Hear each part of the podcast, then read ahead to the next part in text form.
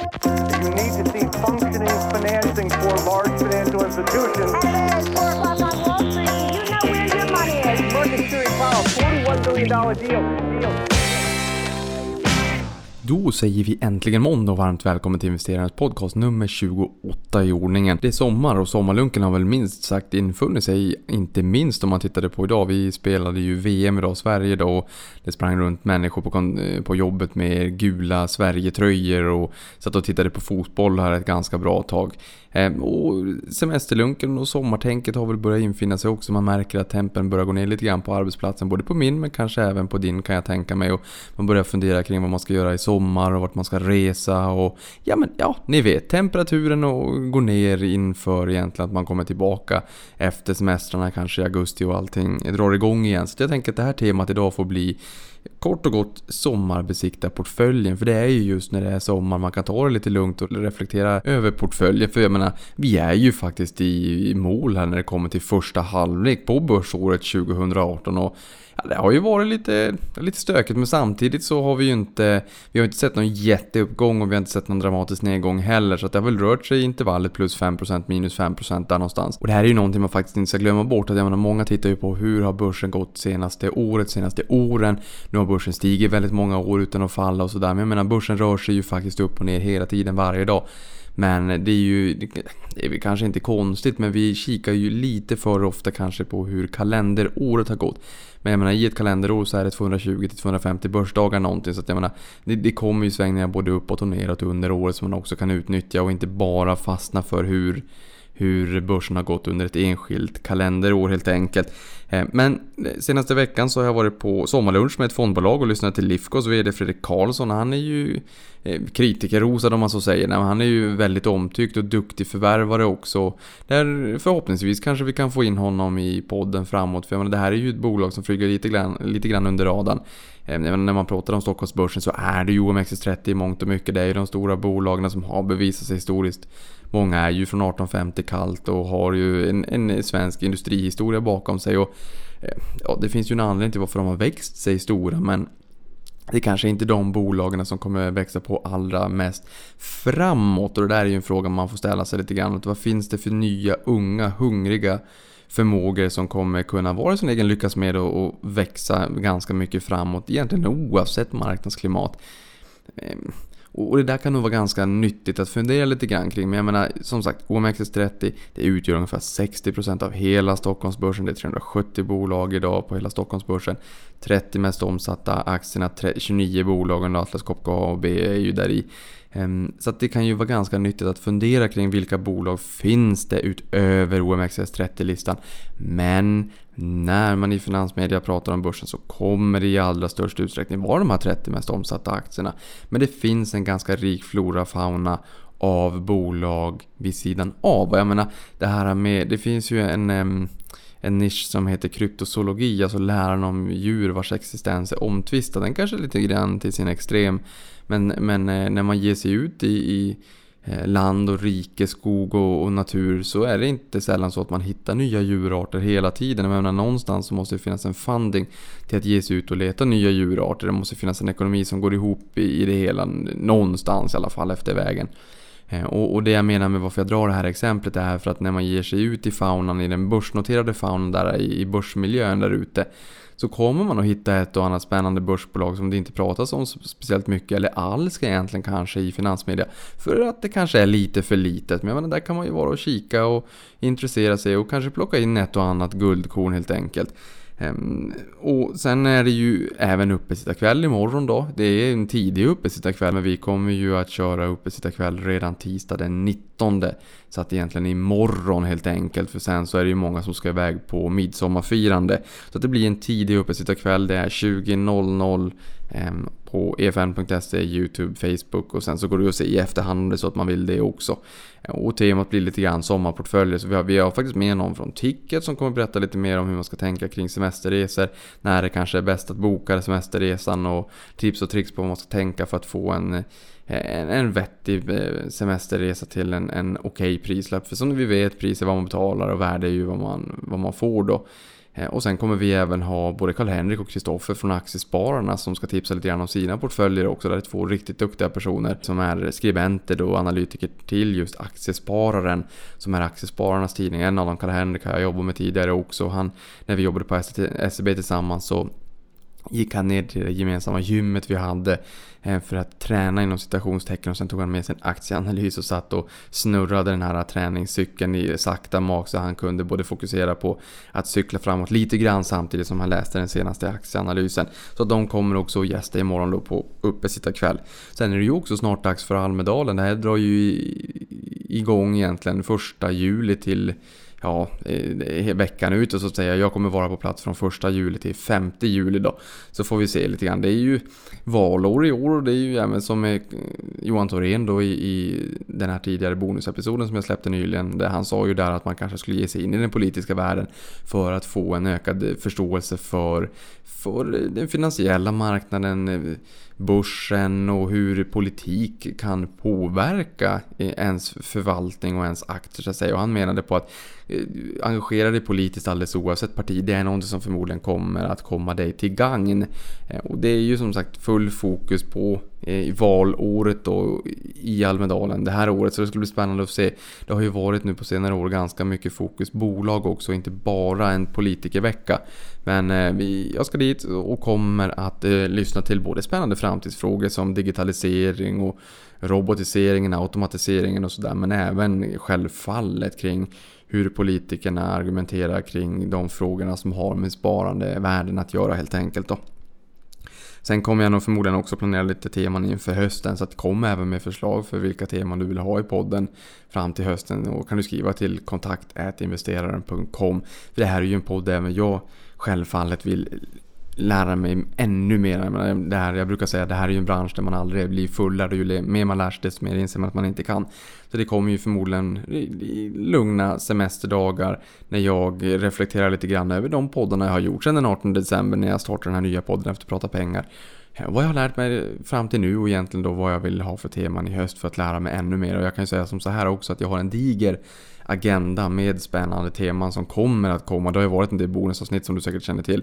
Eh, och jag kommer att släppa ett även den här veckan då där jag har en, eh, en podd med det börsnoterade small cap-bolaget Note. En kontraktstillverkare då som jag hade med i podden här måndag morgon. Åtta på morgonen spelade vi in. Ni vet ju att jag inte är någon morgonmänniska. Eh, sen förra veckan kan vi säga så här, glädjande nog så fick vi en positiv avslutning efter tre veckor av nedgång.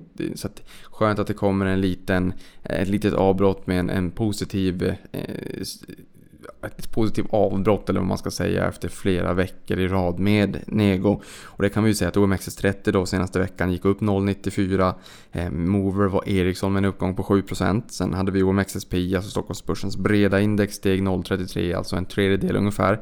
Där hade vi Duroc B som steg 31% så att eh, det är ju allt som oftast så, tittar man på hela Stockholmsbörsen så är det ju större rörelser än om vi tittar på gamla uvarna då, giganterna. Sen har vi Dow Jones på minus 0,89 så där hade vi faktiskt en nedgång. Där hade vi Walt Disney dock som steg 5%.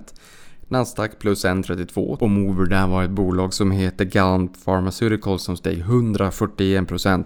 Ni vet ju Nasdaq, det är många bolag, det är runt 2200 bolag. Och det är klart att eh, vissa veckor så kommer det bolag som gör enorma resor norrut. Ehm, ibland får man ta det med en nypa salt, ibland kan det vara vissa eh, konstiga faktorer till varför en aktie stiger väldigt mycket från en vecka till en annan. Eh, ni vet, jag har ju sagt det här förut så att eh, blir man nyfiken så in och kika. Det har varit ganska många bolag inom läkemedelssektorn som har stigit väldigt mycket de senaste veckorna. När jag sammanfattar vilka movers vi har haft från veckan innan. Sen har vi S&P 500 som steg 0,02. Det kan man ju verkligen säga var på håret. Det var ju verkligen på eh, en balansakt mellan plus och minus då. Där var det Discovery som steg 18% och sen sist men inte minst då Eurostox 50. 50 blue chip-bolag i Europa. Så eh, indexet i Eurostox 50 steg 0,9% och sen har vi Senko Bain som steg 1,5%. Och temat för idag är sommarbesikta portföljen. Alltså nu när temperaturen går ner lite grann, eller aktiviteten snarare på börsen, du får semester kanske. Ehm, förhoppningsvis så har du lite tid också att eh, reflektera lite grann kring halvåret som har gått åtminstone. Och vad du har gjort bra, vad du ska göra mer av och kanske vad du ska göra mindre av och ja, men egentligen bara reflektera kring portföljen både senaste åren men även det här första halvåret då. Ehm, och som du kanske vet så brukar ju sommarbörsen vara ganska volatil och handelsvolymerna faller ju på börsen också. Jag menar, det här är ju ganska logiskt för att eh, handlare och marknadens aktörer byter börsskärmarna mot en hängmatta. Eh, eller egentligen bara allmän semester och tar det lugnt och återhämtar sig lite grann. Det gör ju att volymerna faller och det gör ju också att nyheter får ett större genomslag än vad det kanske annars hade fått. Eh, I och med de tunnare volymerna då. Det kan ju bli lite stökigt så det här blir ju liksom paradoxalt. Sommar ska man ta det lite lugnt och Ehm, liksom återhämta sig och ladda batterierna samtidigt som det brukar kunna bli stökigare börs vilket gör att eh, man nästan har, inte nerverna utanpå skinnet det ska jag inte säga, men man, man släpper ju inte börsen helt och hållet i alla fall. Eh, man får väl göra så gott man kan och just nu så har ju, ja, vi är ju inne i, när jag spelar in det här då, 18 juni och nu har vi ju en, en återigen en oro kring ehm, handelskriget mellan USA och Kina som har stökat till det lite grann här i fredags så gick USA ut och sa att man fortsatte kring, på, eh, med handelstullarna då som man skulle införa och nu faktiskt inför mot Kina. Kina kom med motåtgärder. Det här gjorde att börsen fick en skakig start på måndagen den här veckan.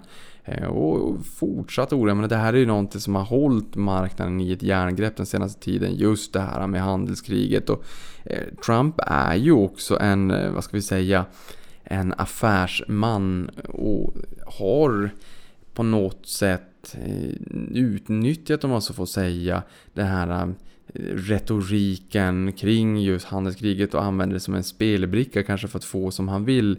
Men jag tror att världen och marknaden är nog lite less på det här. Men samtidigt så är det ju där vi befinner oss och det är det vi får förhålla oss till. Men eh, när börsen öppnade idag så var, var, det faktiskt en mjukare reaktion än vad man kanske tidigare hade kunnat ana. Men samtidigt så har ju börsen levt nu under en lite längre tid just med det här handelshotet, den här våta filten över marknaden. Men är det så att vi får ett, ett, ett fullskaligt handelskrig och att det verkligen blossar ut, ja då kan det bli betydligt mycket värre. Och där kommer du också ihåg då kanske vad Johan sa i podden, den här bonusepisoden som kom i förra veckan han hade en kassandel på 40% i sin fond och trodde att det kunde bli en ganska stökig sommar. Vi får väl för våran del hoppas att han har fel och för, för sin egen del kanske då hoppas att han har rätt så han får göra en, en god affär helt enkelt för fondandelsägarna. Nåväl, jag har sagt att vi ska sommarbesikta portföljen och det är ju fokus då sommarbörsen men vad vore det utan lite kontext? Så att jag har ju kikat hur sommarbörsen faktiskt har gått sedan 99 och det är ju ganska många år ändå. Vi har ju eh, rätt många år på nacken för att få en liten känsla för hur börsen faktiskt brukar bete sig under sommaren då. Och där kan man säga att juni är faktiskt den sämsta månaden om vi tittar historiskt med ett, eh, ett snitt på minus 1,44% under månaden. Eh, och 58% av junimånaderna sedan 99 har bjudit på en nedgång. Eh, men tittar vi på helåret så är det 36,8% alltså strax under 37% av börsåren sedan år 1999 då som har varit negativa. Så att juni månad har bjudit på en betydligt mycket större andel negativa utfall i förhållande till de totala börsåren och vad det egentligen säger ja, det är ju att juni har varit ett eh, köpläge eh, historiskt till stor del. Sen behöver det inte vara det framåt men, men eh, juni har varit betydligt mycket sämre än vad börsåren som helhet har varit sedan 99 då. Tittar vi på juli så brukar vi få en liten rebound. För där är faktiskt snittet plus 1,37%. Ehm, och 42% nedgång så att från 58% nedgång i juni till 42% nedgång i snitt i juli. Och sen augusti då går vi ner igen minus 1,25 ehm, och där har vi ehm, 52% nedgångar då sen 99 så att ungefär 50-50. Men sätter man det här i kontext och pratar som helhet då sommarbörsen och det benämner jag då som första juni till sista augusti. Ja men då ser vi de tre senaste åren i alla fall att eh, 2015 bjöd på en nedgång på 8,75% ehm, samtidigt som helåret då bjöd på en nedgång på 1,21% exklusive utdelningar men, men dock till trots. Så att eh, nästan minus 9% efter sommaren och minus 1,21% när vi stängde året vilket innebar att just den sommarbörsen var dels lite slagig men bjöd även då på ett, eh, ett ganska bra köpläge. Där vill jag också påminna om det här med korrektioner på börsen, alltså en nedgång på minst 10% från toppen är väldigt vanligt. Och tittar vi i USA historiskt från 1980 så har i snitt vartannat år bjudit på en korrektion. Eh, och det till trots då så kan det ju, säger ju egentligen ingenting om hur börsåren har avslutats för att börsåret är ju egentligen bara skillnaden mellan första och sista handelsdagen det året. Eh, men det säger ju ganska mycket om vad som händer under det innevarande året. Och som sagt ganska stora rörelser. Om man så får säga alltså så 10% tvåsiffrigt. Det är inte så ovanligt faktiskt. Vi fick ju lite stök här med, ja ni kommer ju ihåg någon form payroll då, andra 5 februari i år. Det är alltså inte ovanligt helt enkelt. 2016 året efter, då hade vi både Brexit, sen hade vi presidentval 8-9 november och Brexit då Eh, som eh, marknaden öppnar upp till blodrött och fredagen den 24 juni och vi i Sverige då eh, måndag den 27 juni i och med att vi hade midsommar den 24 juni då. Där bjöd sommarbörsen faktiskt på en uppgång på 3,5% och det är ju lite intressant för att även om det så att vi föll väldigt kraftigt under Brexit så hade vi återhämtat det två veckor senare och det var ju bara i mitten på augusti. Så att från egentligen första juni till sista augusti så var det en uppgång på 3,55% för att vara exakt. Helåret slutar på 4,86 så det är en, en ganska vettig uppgång där också. Eller ja, när jag säger ganska vettig så är den ganska modest i ett historiskt perspektiv men ändå, det är en uppgång.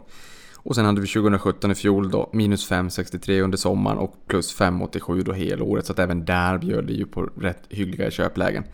Ehm, och det man kan säga här då, så den slutsatsen man kan dra, det är väl att det utnyttjar lägen och eventuell svaghet på börsen för att fylla på de guldkornen du har i portföljen. Och det är det jag brukar säga att när det skakar till lite grann på börsen så är det viktigt att ha en liten köplista med de bolagen som du faktiskt antingen har i portföljen eller vill köpa in i portföljen. Men kanske inte har gjort på grund av exempelvis värderingen. För att just när det blir lite stökigt så är det ganska lätt att eh, bli handlingsförlamad och faktiskt inte göra någonting. Men har du gjort hemläxan dessförinnan och har en konkret köplista, liksom de här bolagen antingen har jag portföljen, kan jag absolut tänka mig att köpa på, på mer. För jag ägde dem igår, jag äger dem idag och då kan jag tänka mig att äga dem imorgon. Och även om det är så att det stökar till så att säga.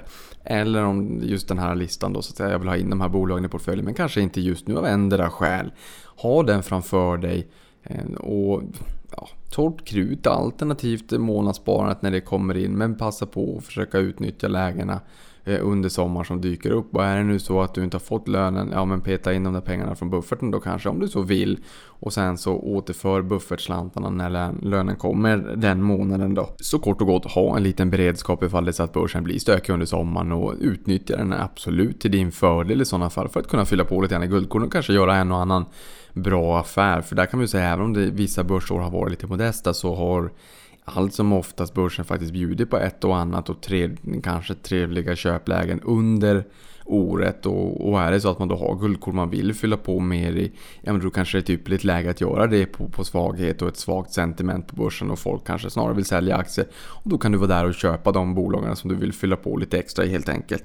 Och eh, när jag säger som jag sa här tidigare att börsen har varit lite modest senaste åren så kan vi ju säga att senaste 20 åren så är det faktiskt normalt att börsen har svängt tvåsiffrigt. Det är normalfallet. Man brukar ju säga att börsen någonstans går upp en kanske 10-11% i nominella termer och kanske 6-7% i reala termer. Och skillnaden däremellan är ju inflationen. En Donken börjar kosta ju inte en tia den dagen jag går i pension då. Och jag tror att det, tittar man liksom statligt, Pensionsmyndigheten etc. och säger ja men räkna med 6-7% då ska man ju dra bort utdelningen därifrån också. Och just nu så ligger den i alla fall på OMXS30 runt 4%, 3,7% i fjol och runt 4% i, i år förväntat. Eh, bankerna drar ju upp det där med en yield på kring 7% egentligen allihopa. De har ju levererat bedrövlig totalavkastning de senaste åren. Det är ju egentligen bara eh, utdelningen som håller dem under armarna faktiskt. Och man har ju höjt utdelningsandelen också. Så att det där hmm, bank börjar bli, bli lite jobbigt och vi behöver lite triggers som faktiskt får igång både topline och bottomline och att vi får lite ökning både på provisionsnetto och räntenetto och samtidigt då kanske får en liten reporänta som stiger upp lite grann också för just nu är det jobbigt att vara bank när man får väldigt mycket inlåning och man inte får avsättning för de här kanske och att man har ett negativt ränteklimat där det kostar pengar att hålla pengar egentligen.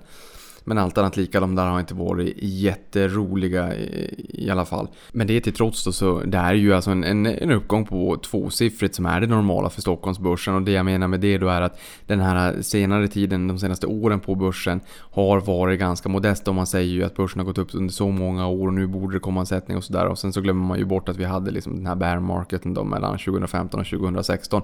Där vi var ner över 30%.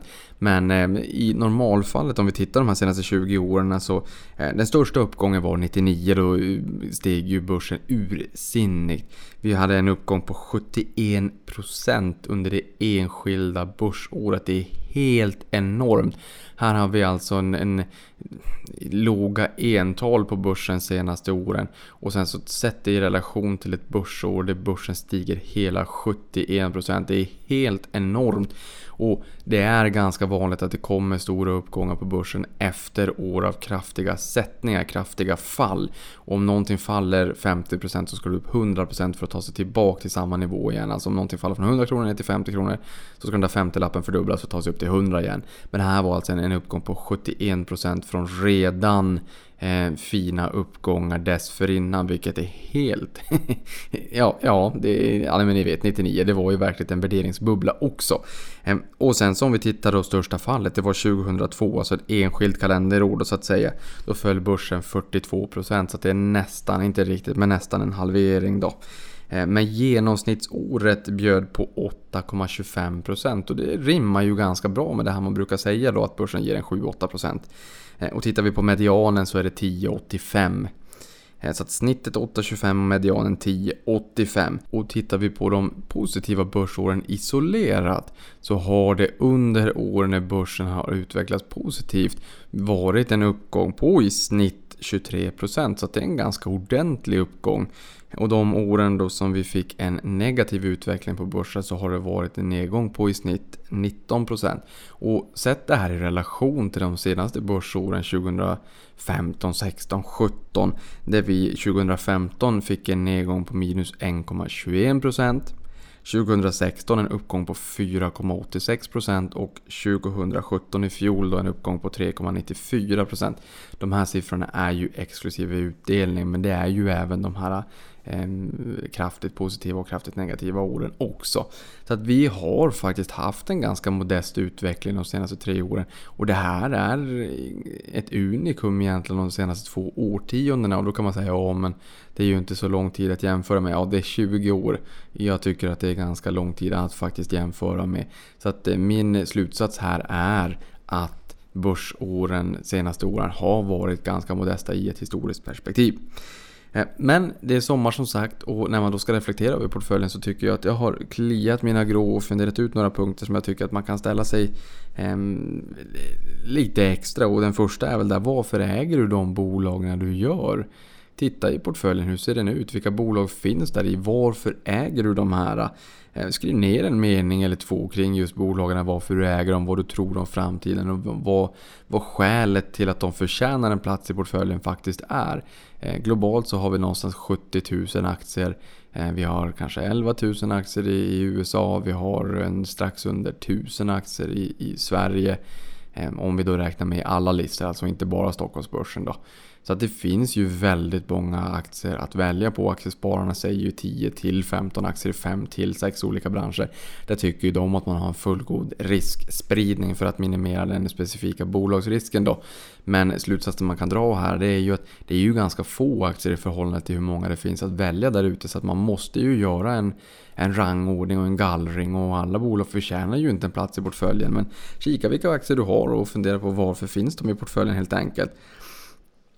Och sen vill jag bara eh, anekdotiskt säga att jag köpte ju på mig aktier i investmentbolaget AB Spiltan här för några år sedan, 2013 för att vara exakt. Eh, och de har till dags datum gett en avkastning på 1800%, alltså 18 gånger pengarna. Och eh, min poäng här är att det räcker ju faktiskt att ha en eller kanske några aktier i portföljen som blir de här riktiga rökarna för att det ska vara ett riktigt bra täckningsbidrag till portföljen som helhet och faktiskt möjliggöra eller ge förutsättningar för portföljen att faktiskt slå index. Eh, jag sa det här för någon podd sen också att Amazon då gick ju upp 10 eh, gånger eh, eller 1000% första året. Men om det är så att man behöll dem till egentligen nu då 2018 så fick man ytterligare 80 000 procent. Och det är klart att det är svårt att, att för, någonstans känna att jo men okej, okay, jag köpte på mig aktier i ett bolag här för ett år sedan, har gått upp 1000% men jag behåller den här för 80 000% till. Då är det nog ganska lätt att, att, att börja tvivla lite grann. Så, hmm, men är den sannolikheten verkligen så stor eller ska jag inte bara sälja och ta hem lite vinst nu? För det har ju faktiskt gått upp väldigt, väldigt mycket. Men eh, det jag menar är att det är ju svårt att pricka vinnarna, så är det ju.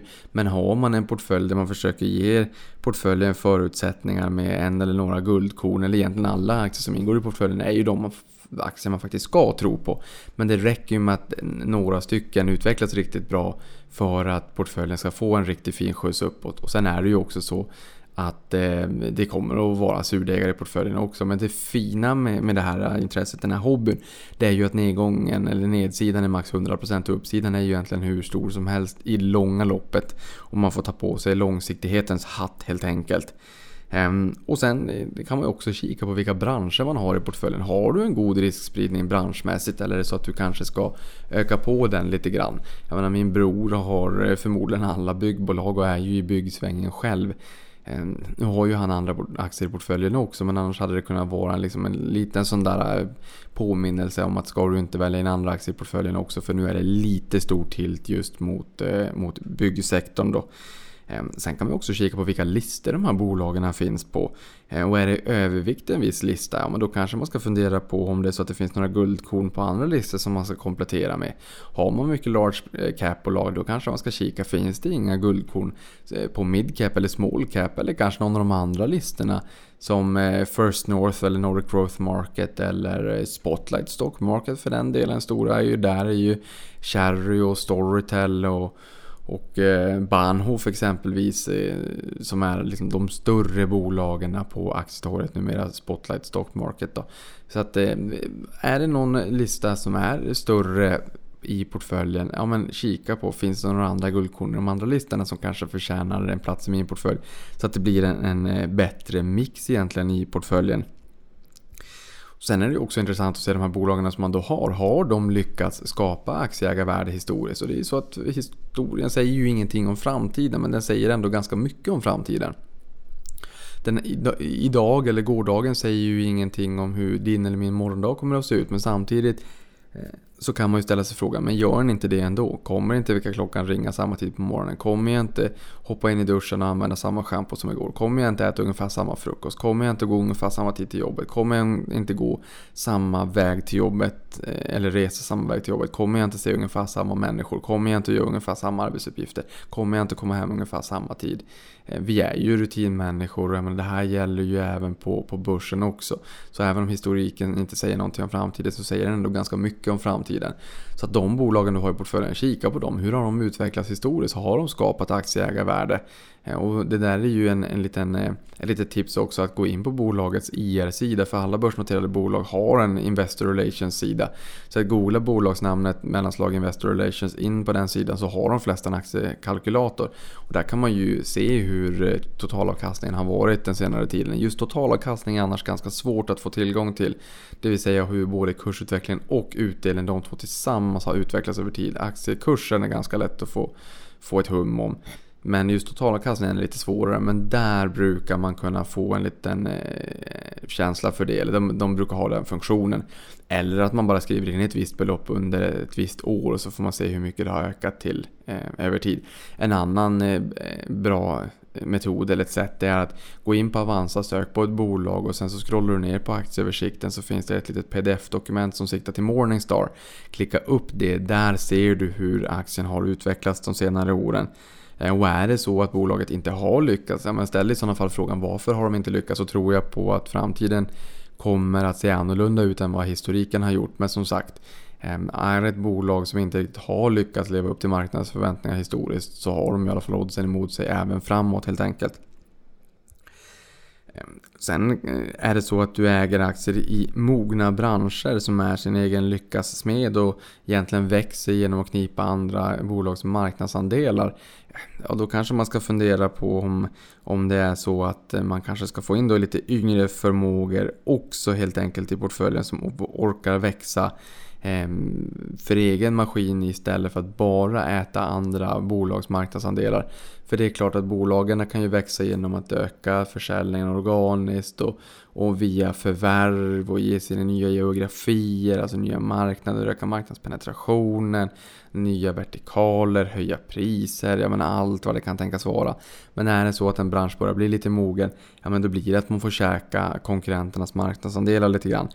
Um, så att, eh, är det något eller några bolag i din portfölj som eh, exponeras för eller mot och strukturell tillväxt eller kanske megatrender? Och om inte, ta en liten funderare, sätt dig en kväll och, och googla lite grann på strukturell tillväxt eller megatrender och se om det finns något spännande bolag inom de nischerna. Och det kan ju vara allting egentligen från urbanisering till artificial intelligence till robotkirurgi till 3D-printing till eh, egentligen you name it, vad som. Det finns väldigt många olika branscher. En megatrend är också att vi blir äldre och äldre, alltså negativ demografi. Vad finns det för vårdbolag som man tror på framåt som eh, onekligen kommer få en allt större och större marknad alldeles oavsett vad man tycker eller vill. Eh, därför att det, det, det är så utvecklingen ser ut och vi kan inte hindra att vi blir äldre. De här bolagen kommer ju ha det lite enklare, lite eh, mera förspänt för sig i och med att marknaden växer eh, och då lär ju de växa på en växande marknad. Och dels kan man växa i linje med marknaden men sen kan man ju även knipa marknadsandelar eller växa snabbare än konkurrenterna. Då. De här bolagen som du har i portföljen kan man ju fundera på också. Om det nu är bolag som har presterat bra historiskt och blivit stora, så lever de på gamla meriter eller är det bolag som du verkligen tror du har framtiden för? Så där har vi ju Går in på lite grann. Men likväl så är det ganska relevant att ställa sig den frågan. För jag menar OMXS30-bolagen, jag menar, det är ju självfallet bolag som kanske lever lite grann på gamla meriter. Alltså 1850 kaltindustrialiseringen i Sverige. Det är stora bolag och jag menar, vi ska ju eh, inte förringa dem utan visa aktning eh, och respekt för de här bolagen. För de har ju verkligen eh, skapat en fantastisk ehm, eh, börsresa för sina aktieägare och ett näringslivsklimat i Sverige. Men samtidigt så finns det ju yngre förmåga som säga som växer också snabbt. Ja, men vi ska komma ihåg de större bolagen på börsen idag, de har också varit unga en gång i tiden. Och vill man ha en riktigt fin resa så ska vi komma ihåg att försöka hitta de här bolagen som vi tror då kanske kan växa mycket framåt. H&M 1974, där kom de in på börsen. De grundades 47 i Västerås, kom in på börsen 74. 10 000 kronor då växte till över 50 miljoner sommaren 13. Väntade man fyra år till 78 så var det 26 miljoner. Ehm, och för alla oss som känner till H&M och resan de senaste åren, det är väl kanske de flesta av oss, så vet vi att det har varit en bedrövlig resa egentligen och där har man varit riktigt värdeförstörande. Men, ehm, och det här har ju varit Stockholmsbörsens största bolag också. Men när de var yngre så sprang de ju på ganska ordentligt, ganska snabbt. Ehm, nu har man ju lite grann många trender emot sig, ungefär som då att fysisk handel kanske minskar lite grann. Det är omnikanal och det är e-handel som växer och allt vad det är då. Sen vill jag säga här egentligen att det, oavsett om det är så att man väljer stora eller små bolag så tiden är din bästa vän. Jag hade en eh, en kryssning här i skärgården med min ledningsgrupp i Aktiespararna på en ångbåt här i veckan. Och där satt jag med min ordförande och han har haft aktier i familjen i 100 år. Vilket är djupt imponerande och det är fysiskt aktiebrev då för det här digitaliserades ju inte förrän 89-90 där någonstans. Eh, men han berättade ju även om den ena aktien efter den andra aktien. Den 10 000 blev 6 miljoner, 7 miljoner, 8 miljoner, 10 miljoner. Andra var det ena och det andra. Och jag menar det som det, poängen här är väl att det skapar ju någon form av både motivation, alltså motivator, men även inspiration. Att tid och avkastning är så otroligt viktiga faktorer. Och jag tror inte de flesta av oss behöver en eller flera miljarder för att vara lyckliga. Och pengar gör ju ingen per se lycklig. Men det gör ju kanske att man kan leva livet just på det sätt man vill, inte måste. Och det räcker med att ha, i allt som oftast i alla fall, även om vi då tittar historiskt i alla fall, att ha tiden på sin sida, våga vara långsiktig köpa ett antal spännande bolag som man faktiskt tror på. Och sen det som jag sa här alldeles nyss, att det räcker med att en eller några aktier i portföljen faktiskt går väldigt bra. Så kommer också portföljen som helhet förhoppningsvis att gå ganska bra. Eh, vi har ju Peter Lynch som är en av vår tids stora eh, fondförvaltare. Som förvaltade Fidelity Magellan eh, under många år. Och där han hade, han hade nästan tusen aktier i portföljen. Sen vet inte jag viktningen och vilka som var störst om det var en stor portion aktier som var väldigt små så att säga. Men eh, han hittade ju väldigt många favoritaktier av de här 70 000 noterade globalt då. Sen eh, vet jag inte om det nu är så att det bara var i USA, ja, då hade han ändå en ganska stor andel av marknaden. Men som sagt, eh, det räcker med att det är en eller några aktier som verkligen slår i portföljen. Någonting annat som jag vill att man också ska kika på här i sommar när man har lite tid, det är ju hur viktningen ser ut i portföljen.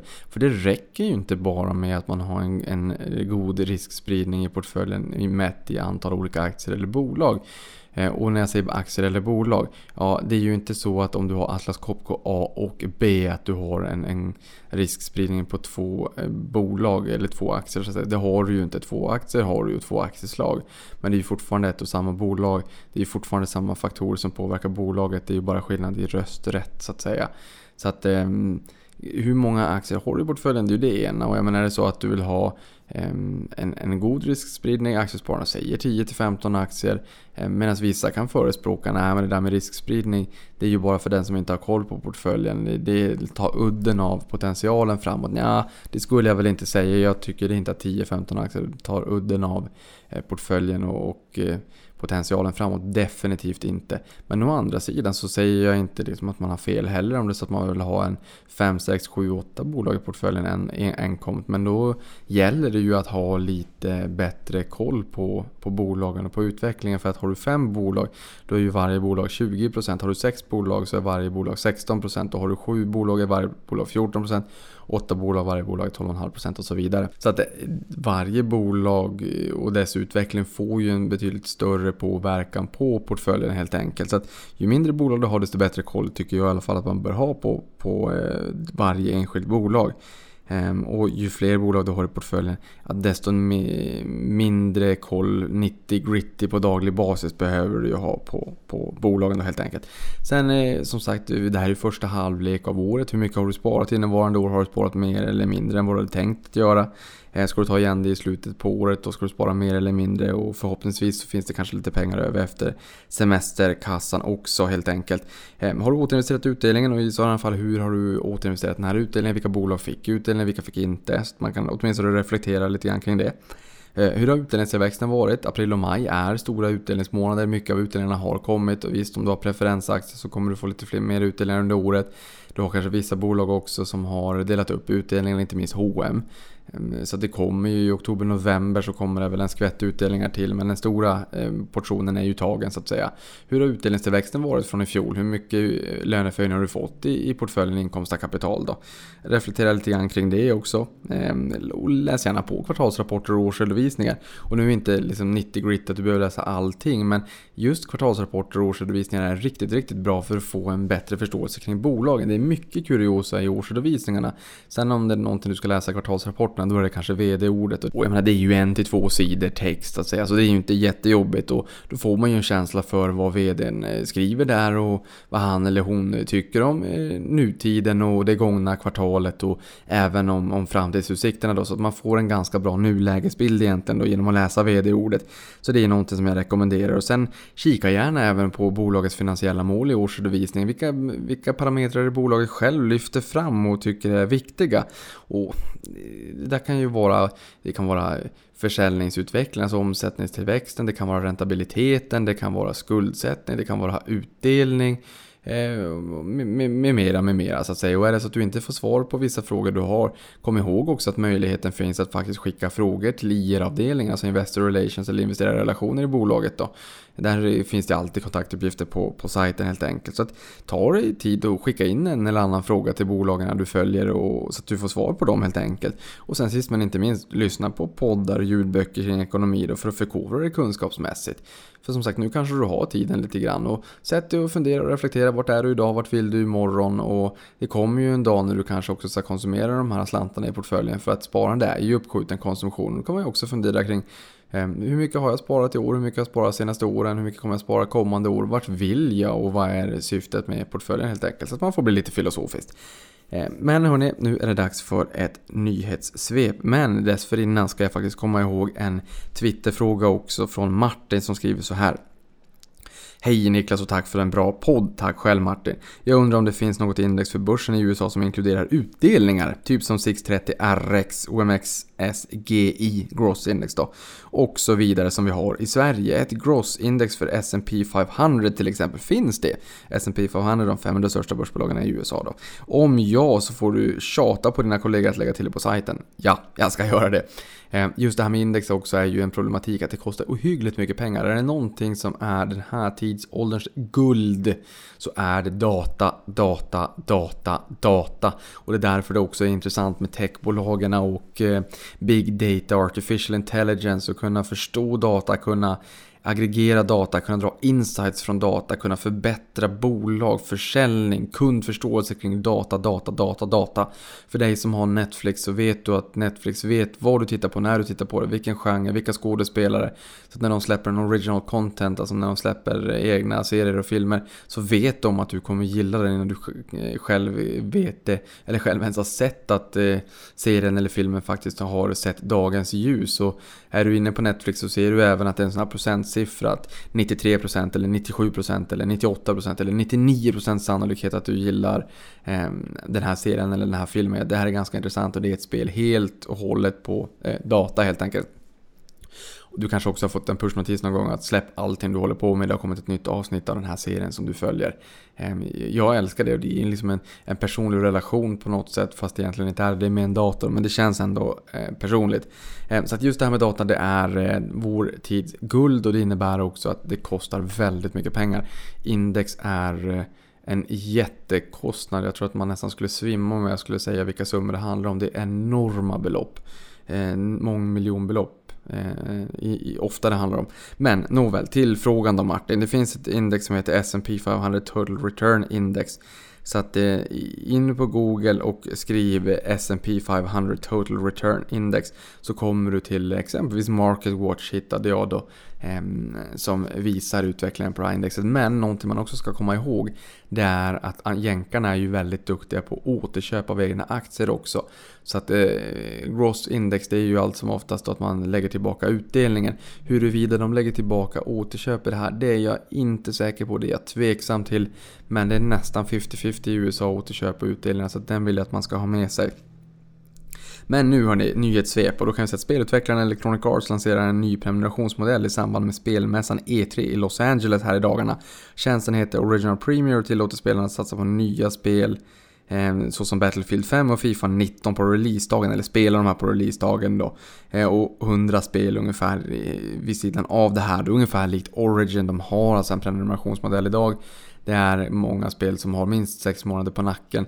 Det är inte kanske de hetaste titlarna men här kommer det alltså att du kan spela de senaste spelen på releasedagen och betala en, en slant för det här för att få tillgång till det här på en gång. Prislappen är 15 dollar per månad eller 100 dollar om året. Jag såg att analytikerkåren var lite försiktigt eh, inställd till det här.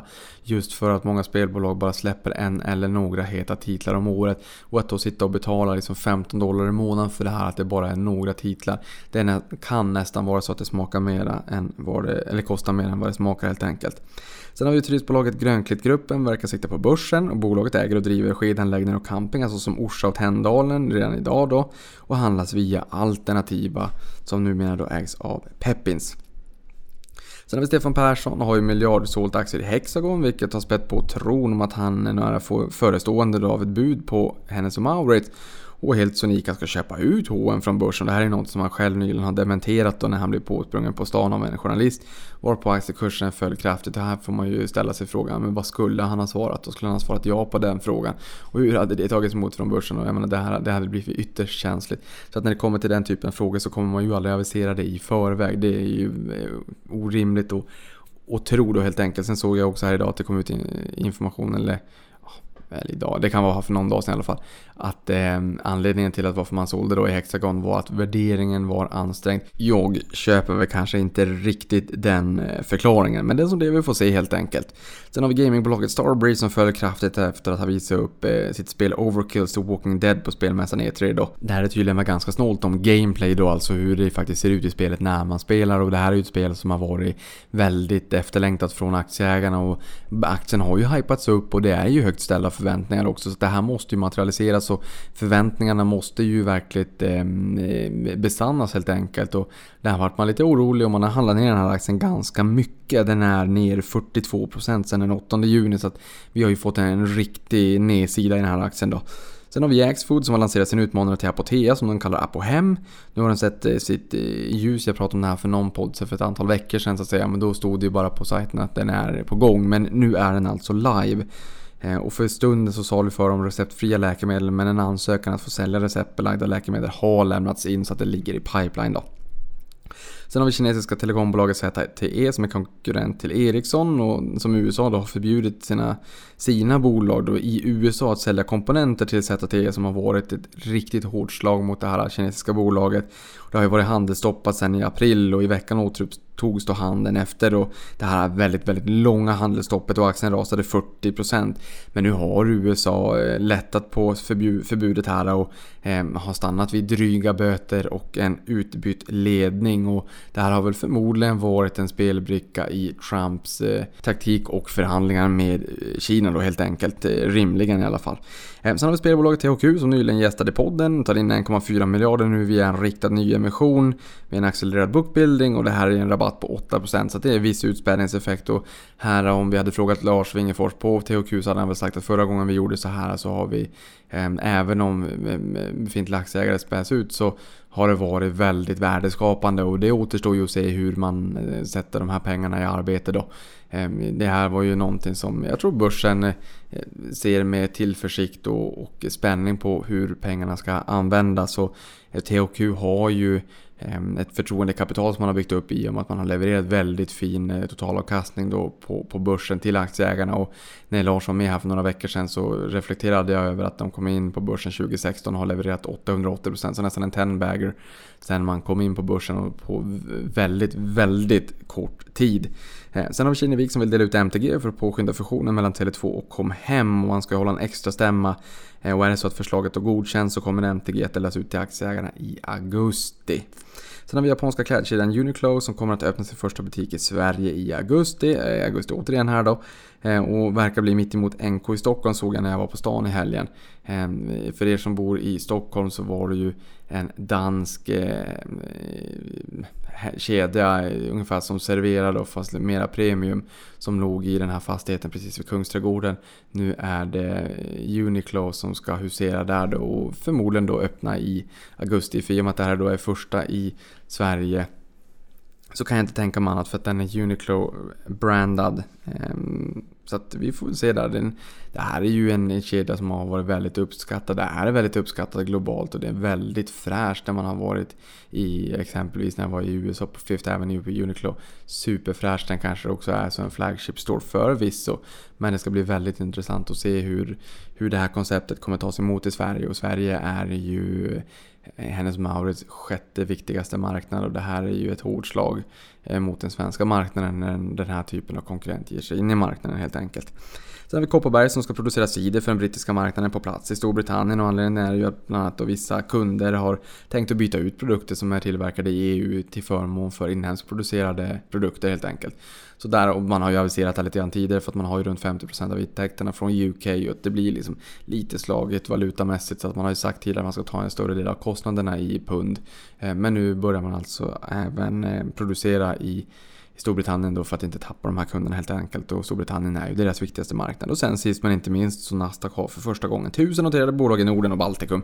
Jag säger grattis och med de orden är veckans podd slut och där vill jag också tipsa om eh, small cap-bolaget Note med ett marknadsvärde på 652 miljoner som har gästat podden och kommer här i dagarna.